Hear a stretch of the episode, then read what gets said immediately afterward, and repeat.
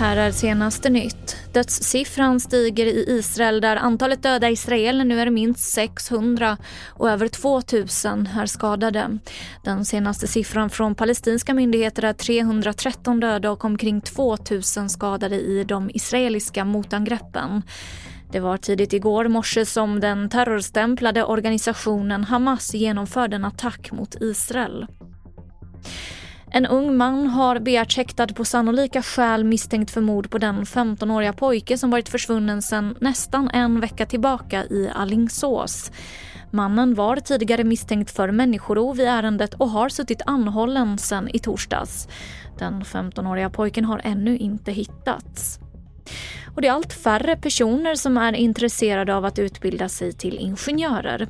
Och läget är som allra allvarligast i norra Sverige. Olyckligt nog är det också den delen av landet där behovet av teknisk kompetens just nu är som störst. Vi försöker nu hitta nya former att attrahera ungdomar över hela Sverige för att komma upp hit att studera, framförallt ingenjörsyrken.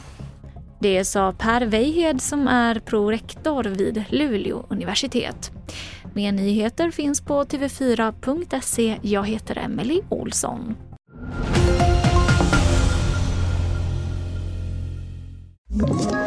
Ett poddtips från Podplay.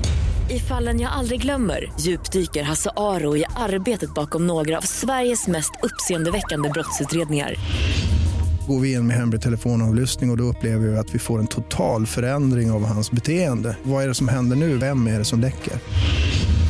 Och så säger han att jag är kriminell, jag har varit kriminell i hela mitt liv men att mörda ett barn, där går min gräns.